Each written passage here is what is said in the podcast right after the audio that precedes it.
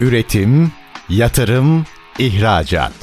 Üreten Türkiye'nin radyosu Endüstri Radyo sizin bulunduğunuz her yerde. Endüstri Radyo'yu arabada, bilgisayarda ve cep telefonunuzdan her yerde dinleyebilirsiniz.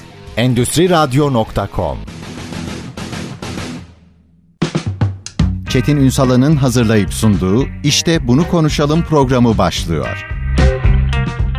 İşte bunu konuşalımdan merhabalar. Türkiye'nin gerçek gündeminde birlikteyiz efendim. Türkiye 2023 ile birlikte 100 yaşına giriyor. Bu çok kıymetli bir şey. Ama bir asrı geride bıraktıktan sonra dünyanın ekonomik ezberlerinin, üretim ezberlerinin, iş yapış modellerinin hatta insan kaynağı ezberlerinin bozulduğu noktada bizim de bazı şeylere ders çalışıyor, kafa yoruyor olmamız lazım. Mutlaka bununla ilgili çalışmalar da var. Yani sıfır noktası gitmiş gibi algılanmasın. Biz daha neler yapılabilir bunu konuşacağız. 100. yılında Türkiye insan kaynağından reel sektöre kadar mevcut yapısının da hangi ezberleri bozmalı, nelere dikkat etmeli, yol haritasını nasıl oluşturmalı bütün bunları şimdi konuşacağız. Kıymetli bir konumuz var. Agon Danışmanlık Kurucu Başkanı ve aynı zamanda Altınbaş Üniversitesi Sürekli Eğitim Uygulama ve Araştırma Merkezi kısa adı SEM Danışma Kurulu üyesi Tezer Öner. Bugün işte bunu konuşalımın konu Sayın Öner yayınımıza hoş geldiniz efendim. Çok teşekkür ederim. Öncelikle bütün dinleyicilerimize selamlar, saygılar. Ben de burada olmaktan çok mutluyum.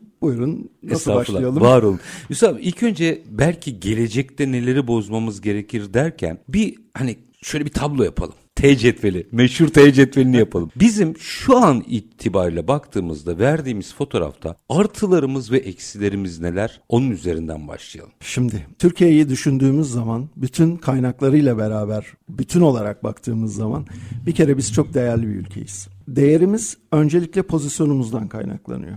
Biz bütün tabii burada önceliğimiz ekonomi olduğu için hı hı. ekonomi ağırlıklı olarak ben bakıp konuşacağım. Elbette. Ekonomik olarak inanılmaz güzel bir yerdeyiz. Bütün yolların kavşağındayız. Her şeyin merkezindeyiz. İnanılmaz bir toprak ve insan kaynağımız var. Ham madde kaynağımız var. Halen genç bir nüfusumuz var. Bu arada genç nüfusumuz eskiden biz bununla çok övünürdük ama artık ufak ufak yaşlanmaya da başladık. Bir 10-15 senemiz kaldı galiba. E, yani azıcık ona göre de pozisyon almamız gerekiyor ama buna rağmen hala genciz. Hala bir takım üretimlerin ve bir takım nasıl diyebilirim bir takım katma değerlerin merkezi olabilecek pozisyondayız. Çok kabiliyetliyiz, çabuk uyum sağlıyoruz. Ticari olarak, teknolojik olarak ya da insan anlayışı olarak yani kültürel geçişler anlamında çabuk uyum sağlıyoruz.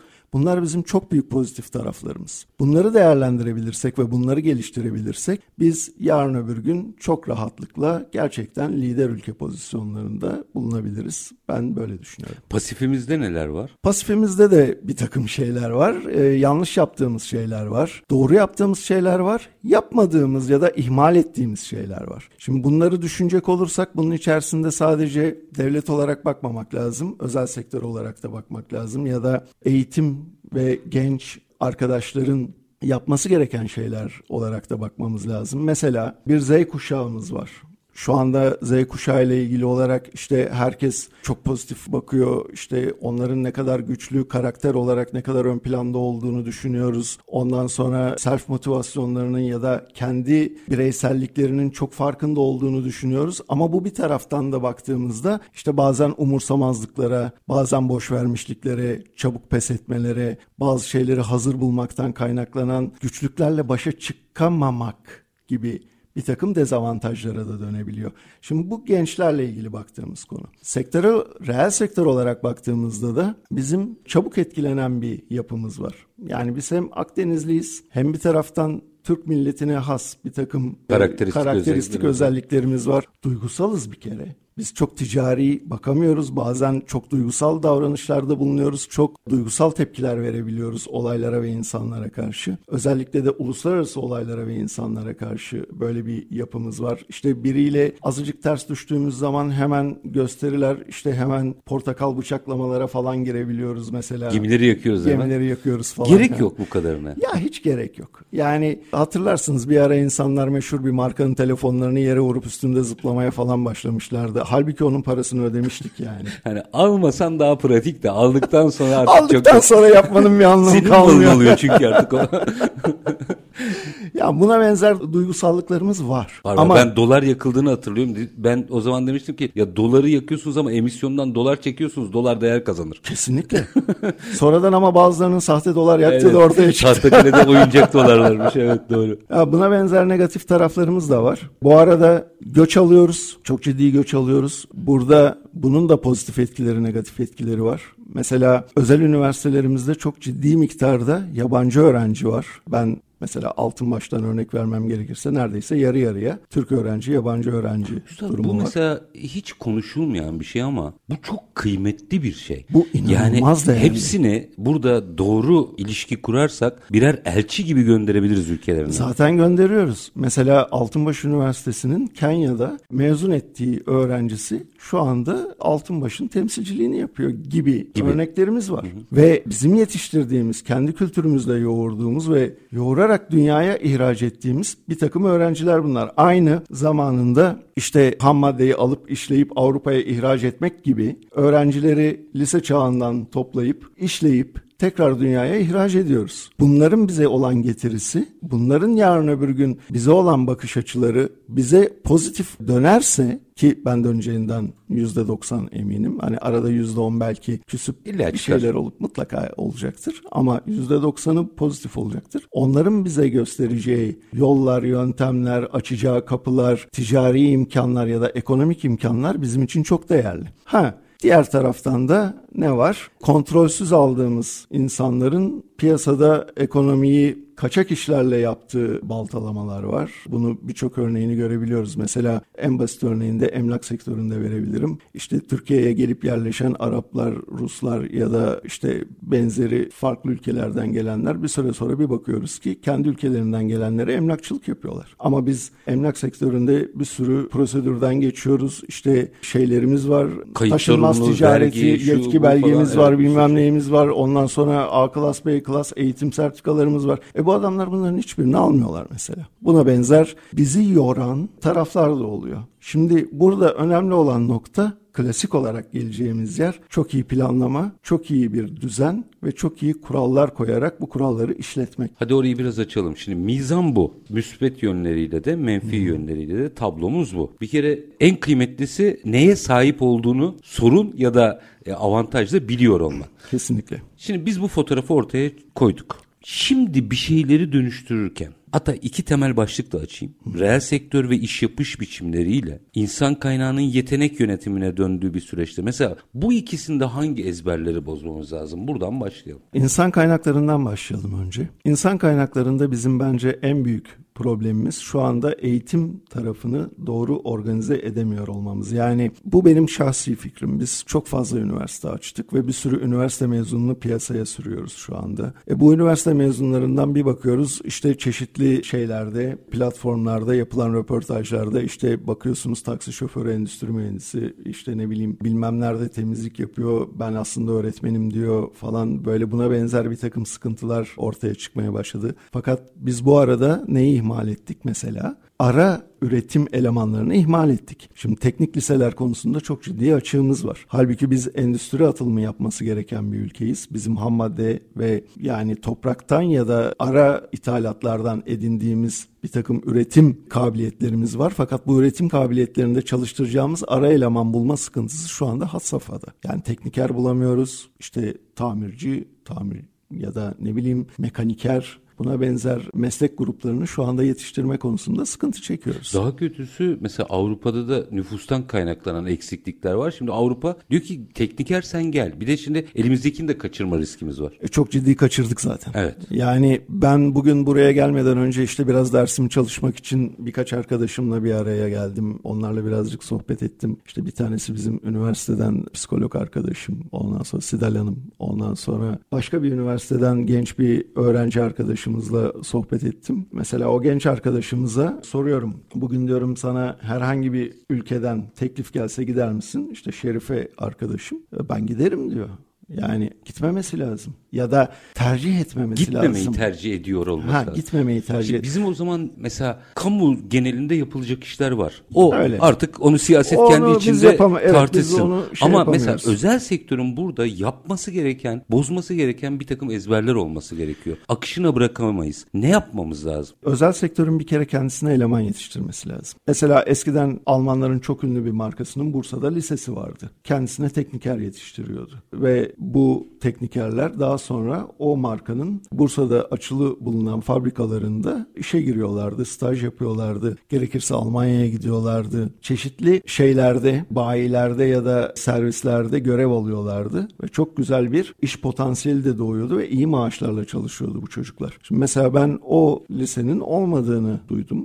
Üzüldüm, çok üzüldüm. Ama buna benzer başka şeyler de var. Yani bir özel sektör kuruluşu olarak insan kaynakları ile ilgili bir takım sıkıntılar var. Mesela ben biraz da insan kaynaklarına geleyim. İnsan kaynaklarını biz Durun bugün- orayı aç, açalım. Yarım kalsın istemiyorum. Peki. Çünkü bir reklam arasına gideceğim. Ama orayı açalım. İnsan kaynaklarıyla devam edelim. Çünkü ne yaparsak yapalım, ne yaparsak yapalım günün sonunda galiba iş geliyor, dolaşıyor. Bakın biraz sonra açacağım. Dijitalleşme falan. İnsana geleceğiz. dayanıyor değil mi? Tabii canım her şeyin başı insan. Yani siz ne yaparsanız yapın sonuçta benden önceki misafirlerin de konuşmalarında dikkatlice dinleyenler fark etmiş olacaklardır ki bütün sistemler, bulutlar ya da her şey sonuçta bir yazılımcıya ve yazılımcı demek insan demek bir insana bağlı. Hadi o fotoğrafı biraz açalım. Minik bir araya gidelim. Ardından yarım kalmasın. Efendim 100. yılında Türkiye insan kaynağından reel sektöre hangi ezberleri bozmalı sorusunun yanıtını arıyoruz. Konuğumuz Agon Danışmanlık Kurucu Başkanı Altınbaşı Üniversitesi Sürekli Eğitim Uygulama ve Araştırma Merkezi Danışma Kurulu üyesi Tezer Öner. Kısa bir ara aranın ardından işte bunu konuşalım diyeceğiz. Lütfen bizden ayrılmayın.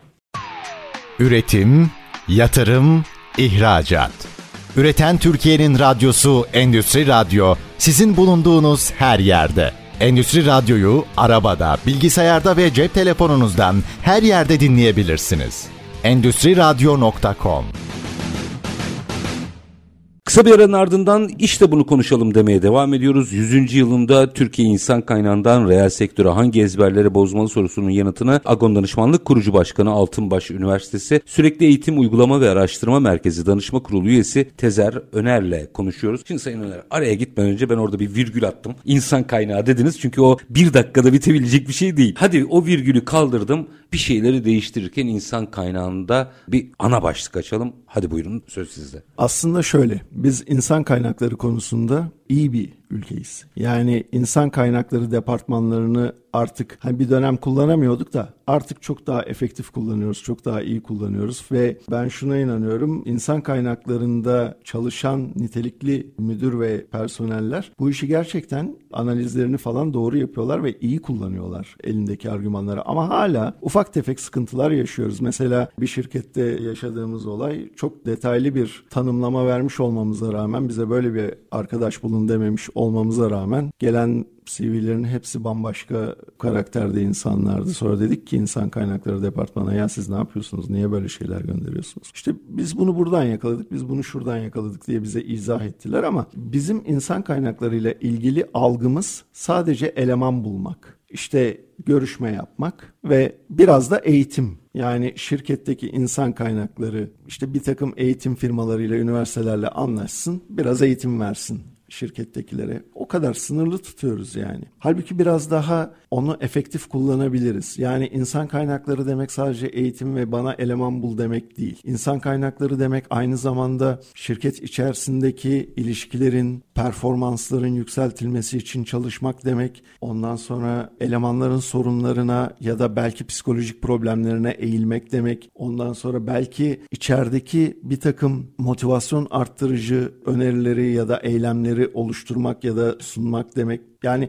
çok geniş bir kavram aslında insan kaynakları. Askeriyeden örnek versek aslında er değil ara kademe subay arıyoruz biz. Kesinlikle. Yani inisiyatif kullanacak, fikir geliştirecek. Geliştirecek. Buna ihtiyaç var artık firmalarda Aynen. sanıyorum. Aynen. Yani ben mesela büyük bir şirkette bir insan kaynakları departmanında bir yönetici olarak ya da yönetim birimi olarak şunu beklerim. Bana devamlı performansı üst düzeyde tutacak bir sürü çalışma, aktivite, ondan sonra eğitim, gerekirse Bazen şunu diyebilmeli. Ya çok yorduk arkadaşları. Herkese bir gün izin verelim diyebilmeli. Bu inisiyatifi kullanabilmeli. Bu inisiyatifi kullanabilmeli.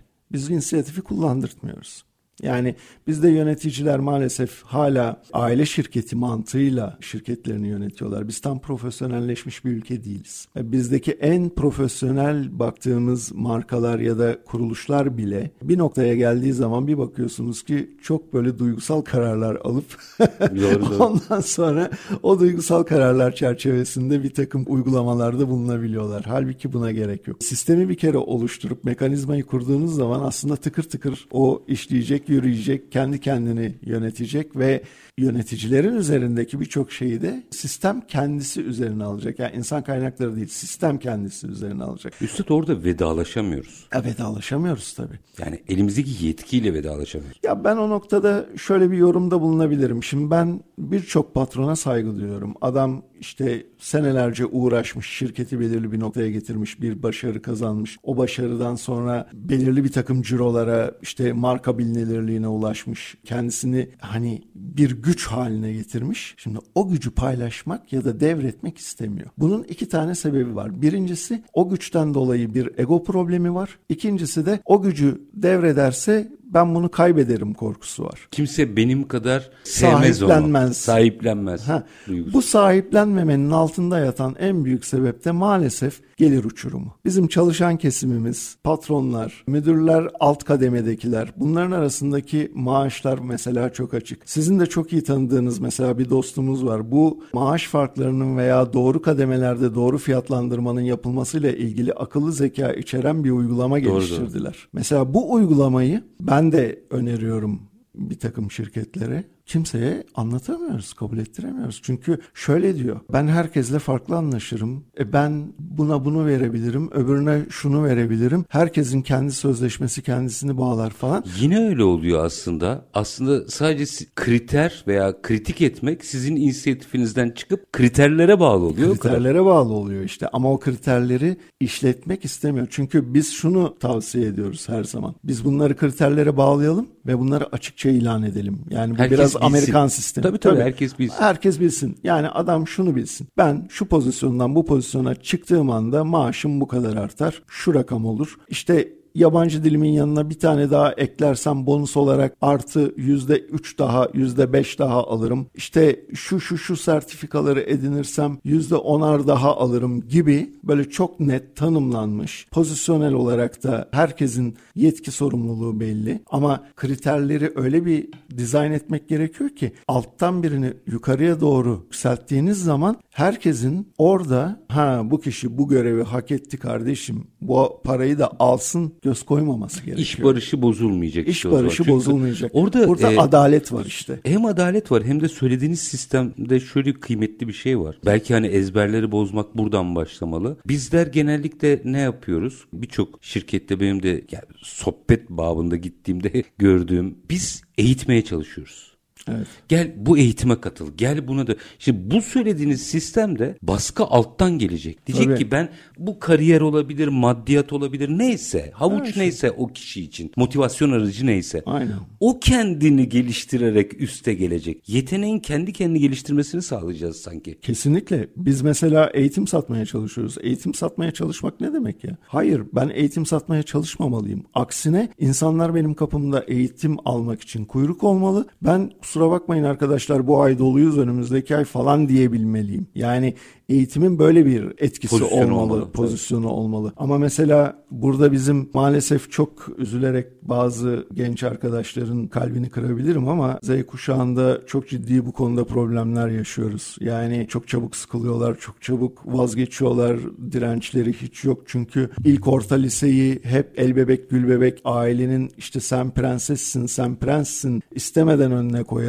E, sen aman yorulma, ben senin elinden tutayım. İşte bu bu buna benzer bir takım motivasyonlarla çocuklar içine kapanıyor. Şöyle içine kapanıyor. Sokak yok. O da bence önemli bir işte kriter. Sokak zaten İtiş, challenge. İtişmek yerine bir süre sonra arkadaş olup iletişim kurmayı öğrenemiyor ki çocuk sokakta. Kesinlikle öğrenemiyor. Mesela bugün işte Sidal Hanım'la yaptığımız toplantıda o da aynı şeyi söyledi. Yani çocuk o kadar hazır buluyor ki her şeyi kendi içerisinde ben prensesim ben prensim ruh haliyle bir süre sonra gerçek dünyaya çıktığı zaman, arkadaş çevresine çıktığı zaman bunu bulamıyor. Sonra çok ciddi büyük kalp kırıklıkları, hayal kırıklıkları yaşıyor. İşte daha da içine kapanıyor. Bu sefer daha da tabletine, bilgisayarına gömülüyor, sosyal medyaya gömülüyor. Çünkü orada kendi istediği dünyayı yaratıyor. Orada hak ettiği dünyanın içinde olmuyor. Halbuki hak ettiği dünyanın içi şu. Sokakta futbol oynaması lazım. Gerekirse arkadaşlarıyla itişmesi lazım. Birbirlerine sert mi davranacaklar, canlarını mı sıkacak, işte o onu üzecek mi? O akşam eve gidip bunun hesaplaşmasını kendi içinde yaşayıp ertesi gün gidip barışacak mı, barışmayacak mı? Böyle şeyleri yaşamıyorlar. Çok çabuk kopuyorlar. Bu haliyle iş dünyasına geldiğinde de arıza başlıyor diyorsunuz. Kesinlikle çok büyük arıza başlıyor. Bir kere yöneticilerine karşı çok tamam özgüvenleri çok yüksek ben bunu kabul ediyorum ama biz şunu çok yaşıyoruz. Ya randevu veriyorsunuz mesela randevuya gelmiyor. Siz telefon açıyorsunuz niye gelmedi? İşim vardı diyor. İyi de ben niye bundan haberdar değilim? Ya, tabii orada özgüvenli olmakla nezaketsizlik arasında bir ince bir çizgi var. Yok o şuradan kaynaklanıyor. O onun nezaketsizlik olduğunu bilmiyor. İşte kastettiğim oydu. Heh. Yani o zannediyor ki bu çok normal bir davranış. Yani ben böyle davranabilirim sıkıntı yok. Zaten ben ne zaman işte ya da diyorsunuz ki mesela işte ben 53 yaşındayım. 25 yaşındaki arkadaşıma diyorum ki işte ben seninle görüşmek istiyorum diyorum. Bana dönüp şey diyor mesela. Tamam Tezer Bey işte ben cuma günü 12'de müsaitim. Şimdi bizim zamanımızda ben 25 yaşındayken bana 50 küsur yaşında adamın bir tanesi ben seninle görüşmek istiyorum dediği zaman tamam abi ne zaman isterseniz ben hazırım bekliyorum. Çünkü bunun için bunun sonunda iş var. İşin sonunda para var. Yani bir kere yaş kariyer ve kariyer açısından benim ona bir saygı duymam gerekiyor. Belki ondan öğreneceğim bir sürü şey var. Hani bu usta çırak ilişkisi ya da ast üst ilişkisi gibi bir şey. Ama şu anda o ilişkileri biz çok ciddi kaybetmiş durumdayız. Yani bundan dolayı ciddi sıkıntı yaşıyoruz işin doğrusu. Ha diğer taraftan da şu mesela pozitif taraf, hoşumuza giden taraf. Kendi başlarına çok güzel yargıda bulunabiliyorlar ya da kendi iç inisiyatifleriyle doğruyu yanlışı işte tartıp fikirlerini çok rahatça söyleyebiliyorlar. Bunlarda zaten en fikiriz. Bunların olması gerek. Ama diğer taraftan bu diğer açılarda da eksi yaratmaması gerekiyor. Şimdi burada aradaki dengeyi bulmamız gerekiyor. Yani kuşak çatışmasını minimize etmemiz lazım. Kuşak çatışmasını minimize etmenin yolu biz ya programlarımızı onlara uyduracağız biraz ya da onları bize uyduracak yani daha doğrusu bize demeyeyim de reel dünyaya uyduracak şekilde bir takım ara eğitimlere, ara kamplara bir şeylere almamız lazım. Kritik bir şey sorayım. İki dakika sonraya gideceğim ama girizgah olsun açarız. Çünkü buradan reel sektöre de geleceğim. Tamam. İş yapış biçimlerine. Bütün bunları kuşakların hangisi diğerine uyacak ya da asgari müştereklerde buluşacak diye tartışmak yerine sistem kursak daha kolay değil mi? Zaten en başında söylediğim şey zaten sistemi kurarsanız her şey kendi kendine yürür. Net olsun herkes ona uysun. Tabii ki. Yani en kolayı bu. Eğer siz kuralları, yaşam standartlarını, ondan sonra ast üst ilişkilerini ve benzeri özel sektörel ya da eğitim sektöründe, eğitim sürecinde olan olayları birbirine bağlamayı başarabilirseniz zaten bundan kurtuluyorsunuz. Bir araya gideceğim ama bir cümle alıp gideyim. Tamam. Çünkü burada tam da şunu açmak istiyorum. Hani hangi ezberi bozması gerekiyor firma? Bizim firmalarımız şu çılgın Türkler gibi. Yani matematik üstü bir üretim yapıyorlar. Bu mal ve hizmet üretimi olabilir. Aynen. Hiç önemli değil. Ve iyi ki yapıyorlar. Fakat günün sonunda para kazanamadığımızı, niye para kazanamadığımızı toplamda 1,3 dolar bölü kilo hı hı. sorgularken yanıtını bulamıyoruz. Bir sistemsizlik meselesini ise hiç tartışmıyoruz. Çünkü bence diye bir şey var. Tabii. Şimdi o bence ile o iş yürür mü? Önce bunun yanıtını alayım. Kesinlikle yürümez. Bir kere bence şöyle neye göre sizce? Sizin pozisyonunuz, sizin eğitiminiz, sizin işte piyasada bugüne kadar gelmiş olan alaylı olarak edindiğiniz işte tecrübe, her şeyi üst üste koyduğunuz yerde bulunduğunuz bir nokta var. Bence dediğiniz nokta orası. Ama sizden iki gömlek üstün bir adamın bencesi iki gömlek yukarıda oluyor. Tam o zaman burada işte bir virgül atacağım. Bizim bu sistemsizliğimizi nasıl gidermemiz gerekiyor yeni yüzyılda? İş yapış sistemsizliğinden bahsediyorum. Veya sistem diye zannettiğimiz bencelere nasıl düzeltmemiz gerekiyor? Onu biraz konuşalım ama minik bir aranın ardından. Tamam. Efendim Agon Danışmanlık Kurucu Başkanı ve Altınbaş Üniversitesi SEM Danışma Kurulu üyesi Tezer Öner'le sohbetimiz devam edecek. Kısa bir ara lütfen bizden ayrılmayın. Üretim, yatırım, ihracat. Üreten Türkiye'nin radyosu Endüstri Radyo sizin bulunduğunuz her yerde. Endüstri Radyo'yu arabada, bilgisayarda ve cep telefonunuzdan her yerde dinleyebilirsiniz. Endüstri Radyo.com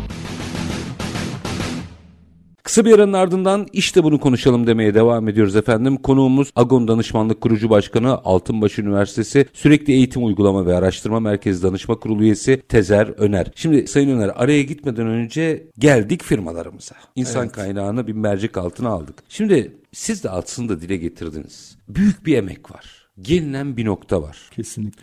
Kimse bunu da inkar etmiyor. Tabii ki. Dertlendiğimiz nokta yarına bu şirketleri nasıl taşırız? Çünkü Türkiye'deki şirket ömürleri ortalaması da belli. Bunu aşan var aşamayan var ama ve lakin. Günün sonunda neyi diyerek araya gittik? Bence diye bir sistem var. Kesinlikle. Peki sencesi doğru mu? İşte o kime göre? Hadi bunu açalım. Şimdi mesela bu noktada bizim danışmanlık firması olarak yaptığımız uygulamalarda biz bu noktayı aşmak ve yöneticileri ya da firma sahiplerini ikna etmek için özellikle kullandığımız yöntem çok aslında komplike ama günün sonunda kurmak istediğimiz sistemi daha iyi anlatabildiğimiz bir şekilde bunu da nasıl yapıyoruz? Bizim ekip olarak bir danışmanlık hizmeti vermemiz demek bu işin içerisinde işte benim gibi yönetim danışmanları yani ben ona mekanik sistemler diyorum işte satışlı pazarlamaydı bilmem ne. İşte mekanik sistemleri bilen yönetim danışmanları ama benim yanımda işte bir psikologumuz var,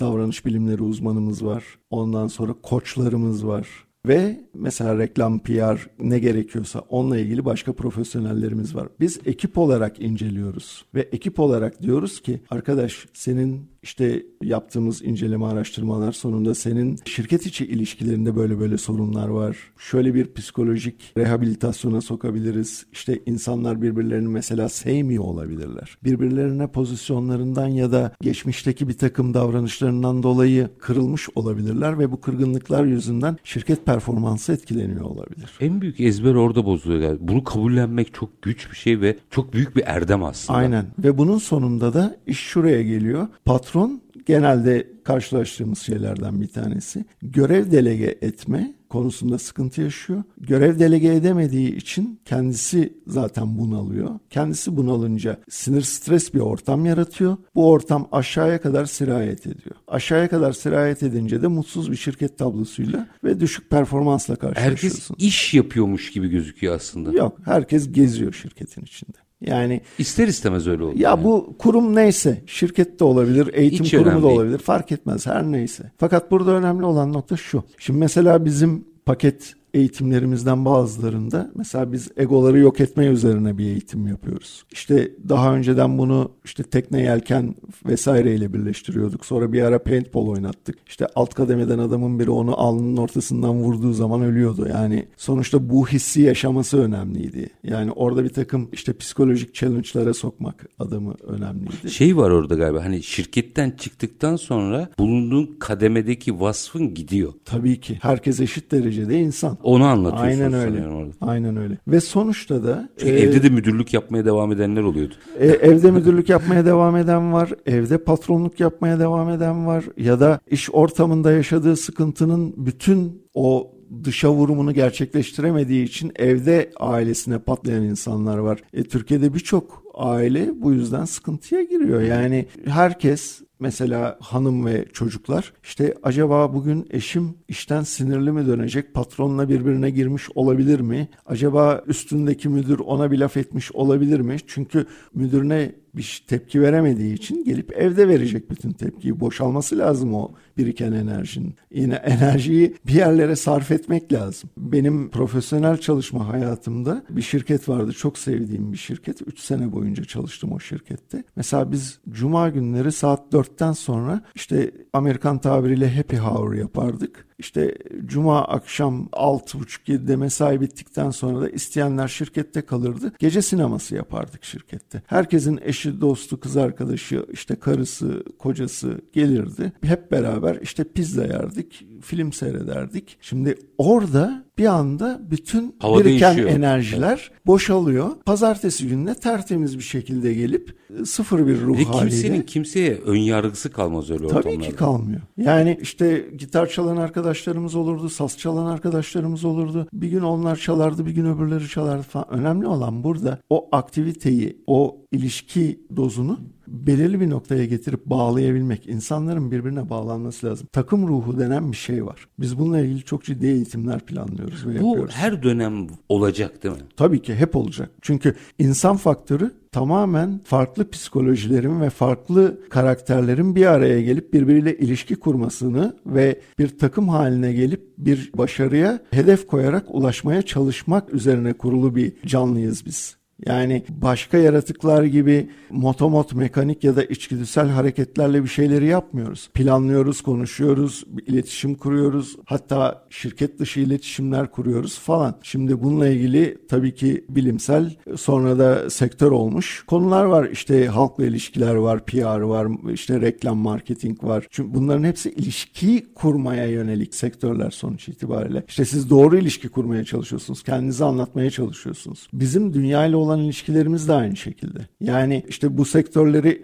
100. yılda nereye taşıyacağız? Çok basit. Ben bir cümleyle söyleyeyim. Kendimizi kime nasıl anlatabilirsek oraya taşıyacağız. Nasıl ve kim olduğunuz değil, nasıl anlatabildiğiniz de Aynen önemli. öyle. Çünkü nasıl vekil olduğunuz da önemli tabii ama nasıl anlattığınız o kim olduğunuz ar- altını doldurmakla alakalı Heh, olan evet. kısım. Bir de onu anlatmak var. Bir de onu anlatmak var. E şimdi hepimiz tabii sinemalardan ya da televizyondan falan çok iyi biliyoruz ki bu işi en iyi yapan Amerika. Adamlar kendilerini o kadar güzel anlatıyorlar ki herkes böyle ah ben de işte Amerika'da olsam ben de Miami'de yaşasam ben de şurada bilmem ne yapsam işte aman Amerikan polisi olunca şöyle oluyorsun Amerika'da şirket yönetiyorsan böyle oluyorsun işte uçağa biniyorsun şunu yapıyorsun doğru ya da yapıyorsun. yanlış. İmaj. Doğru ya da yanlış. Tabii ki doğru ya da yanlış. İmaj yönetiyorlar. İmaj yönetiyor. İlişkini onun üzerine kuruyor. Aynı şey o şirket için de geçerli. Tabii ki. Mesela ben bir şirketim sonuç itibariyle. Ben kendimi dışarıya nasıl anlatmak istersem dışarıdaki insanlar bana öyle bakıyorlar ve beni öyle değerlendiriyorlar. Benimle iş yapmak isteyen ona göre iş yapıyor. Ha buradaki önemli olan nokta ne? Ben anlattıktan sonra ortaya koyduğum hizmet ve performansla Onu altını dolduruyorsam ve işin bitişinden itibaren o insanlar benim hakkımda evet bu arkadaşlarla biz çalıştık ve bu arkadaşlar buraya gelip gittikten sonra biz çok mutlu ve gayet e, memnun olduk. Bizi kesinlikle tatmin ettiler diye arkamızdan konuştukları anda e biz başarılı olmuşuz. O zaman demektir. o imaj çalışması işe yarıyor o aslında. zaman evet O- kesinlikle. ama o olmadan siz sizin burada ne olduğunuzu kimse bilmiyor. Aynen. Şimdi mesela neleri değiştirmemiz gerekiyor? Çok basit bir şey söyleyeyim. Bu zamana kadar özellikle pandemiye kadar işte klasik çalışma yöntemleri, klasik algılar vardı. E klasik koçluklar vardı. E şimdi koçluk kavramı tamamen değişti. Artık e, hibrit çalışıyoruz, uzaktan çalışıyoruz. Tamamen dijital üzerine çalışıyoruz. Ondan sonra kurduğumuz ilişkiler, dijital ilişkiler, gerçek ilişkiler. Şimdi bunların ölçülerini kaçırıyoruz ya da bazen kuramıyoruz. Bazen çok küçük bir hata yapıp bir çuval inciri berbat ediyoruz. Burada da profesyonellik ve onlardan destek almak ortaya Devreye çıkıyor. giriyor. Aynen. Burada bir hani hangi ezberleri bozalım diye konuşurken galiba bir ezber anlattıklarınızdan sağlama yaptığımda öne çıkıyor. Onu biraz açalım. Bizi bilen biliyor. Tabii ki. Sizi kimse bilmiyor. Aynen öyle. Gala gecesi içerisinde siz birbirinizi biliyorsunuz ama sizi kimse bilmiyor. Aynen öyle. Bunu bozmak gerekiyor galiba. Yani sizi derken bizi de yani ben bizi bilen bilir. Hadi git Almanya'daki alıcıya anlat bakalım. Sizi bilen biliyor. Anlatamazsınız. Türkiye'deki alıcıyı anlat. Belki. Bir ihtimal o da. Bir ihtimal. Yani siz sizi biliyorsunuz. Bu algıyı bozmak gerekiyor. Burada bizim işte bu Türk insanı karakterimiz biraz biz tok gönüllü insanlarız. Biraz da Akdenizliyiz, duygusal insanlarız. Ondan sonra biraz nasıl diyeyim inançlarımızdan kaynaklanan kanaatkar insanlarız. Şimdi bütün bunları bir araya getirip topladığınız zaman karşınızda alçak gönüllü durmaya çalışan, karşısındakine daha çok tabi diyen, evet diyen, ondan sonra daha az talepkar olan ve biraz da nasıl diyeyim? Hani ben kendimi ön plana çıkarırsam yok olmaz mahcup olurum, utanırım ya da işte olur mu canım falan. Yani bizi başkaları anlatsın. Biz niye kendimizi anlatalım falan. Halbuki Amerika'da falan ya da Avrupa'da bu böyle değildir. Onlar bireysel olarak zaten kendilerini ön plana çıkarmaya hep odaklıdır ve bütün eğitimlerini onun üzerine alırlar. Her şey bir yarışmadır. Her zaman iyi olan kazanır, kötü olan kaybeder. Ondan sonra mücadeleyle bir yerlere gelirler ve o mücadeleyle geldikleri yerde de doğal olarak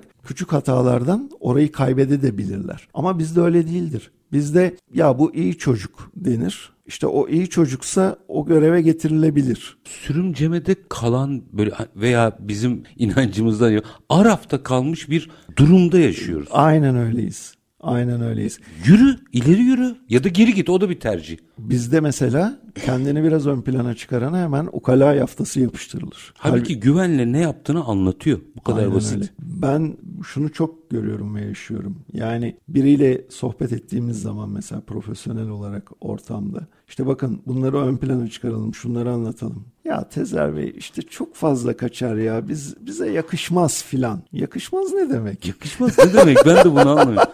Bir şey Bize yapıyorsun yakışmaz. ve bunu e, şöyle bir durum var. Ben bunu yapıyorum. Beni herkes zaten farkında, kimse farkında değil. İşte Z kuşağında bizim önemsediğimiz noktalardan bir tanesi. Onlar canları isterse kendilerini ön plana çıkarabilecek şekilde bir karaktere büründüler. Yani kendi reklamlarını yapabilirler. Çünkü zaten bunu sosyal medyada yapmaya alıştılar. Üstad burada bir garip bir durum var. Evet. Z kuşağını biz bizim kuşak yetiştirdi. Bu aman aman şimdi ayıp olmasın fazla da kendimizi göstermeyelim diyen de bizim kuşak. Şimdi yetiştirdiğin işte orada kuşak çatışması Orada garip çıkıyor. bir durum var. Aynen. Bizim kuşak öğretti onlara kendini ifade et diye. Aynen. Çünkü biz beceremedik. Beceremediğimiz Ama şeyi çocuklarımızdan istedik. O zaman şimdi ez cümle bunu biraz konuşalım. o zaman bizim yeni yüzyılda sadece bu bireysel olarak değil firmalarımızı, hizmetimizi, yaptığımızı anlatabiliyor olmamız lazım. Hadi bu ezberi de bozalım diyorum ben de. Tabii ki. Kesinlikle. Yani buradaki zaten kuşak çatışmasını sonlandıralımın altındaki durum şu. Biz zamanında beceremediğimiz şeyleri çocuklardan istedik. Çocuklar kendilerini ön plana çıkarsın istedik. Onun için onlara her şeyi verdik, yığdık önlerine. Onlar da bireyselleşmenin tavanına vurdular. Fakat öyle ipin ucu kaçtı ki şimdi diğer taraftan işin zorluklarıyla baş edemiyorlar ya da çabuk bıkıyorlar, çabuk küsüyorlar, çabuk kaçıyorlar. Bir de bunu başaramadık. Yani biz şunu yapamadık. Mesela eğitim süresi boyunca evet hak ederek gelmen lazım. Mesela ben şeye çok karşıyım. İşte ilk orta lisede işte sınıfta kalma kaldırıldı. Hayır. Kalabilmeli. Kalması lazım. Başarısızsa başarısız olması lazım. Ha gene prens olsun. Çünkü o da bir ders. Tabii. Ama gene prens ama çaba sarf etmiyor çaba sarf etmesi lazım. Ya da ne bileyim işte bazı ailelerde görüyoruz işte çocuğu mümkün olduğu kadar dijitalden uzak tutmaya çalışıyor. E bu da yanlış. Çünkü çağ dijitale gidiyor. Şimdi benim mesela bir arkadaşımın oğlu var. Çocuk şu anda 13-14 yaşında. Kendi oyununu kendisi yazıyor. Ben Şimdi, böyle bir oyun oynamak bu istiyorum diye oturuyor yazıyor bunu. Tablet vermeseniz ne olacak? Olur mu? Olmaz. oyun yazıyor çocuk 13 yaşında. Biz 13 yaşında yani, top kovalıyorduk.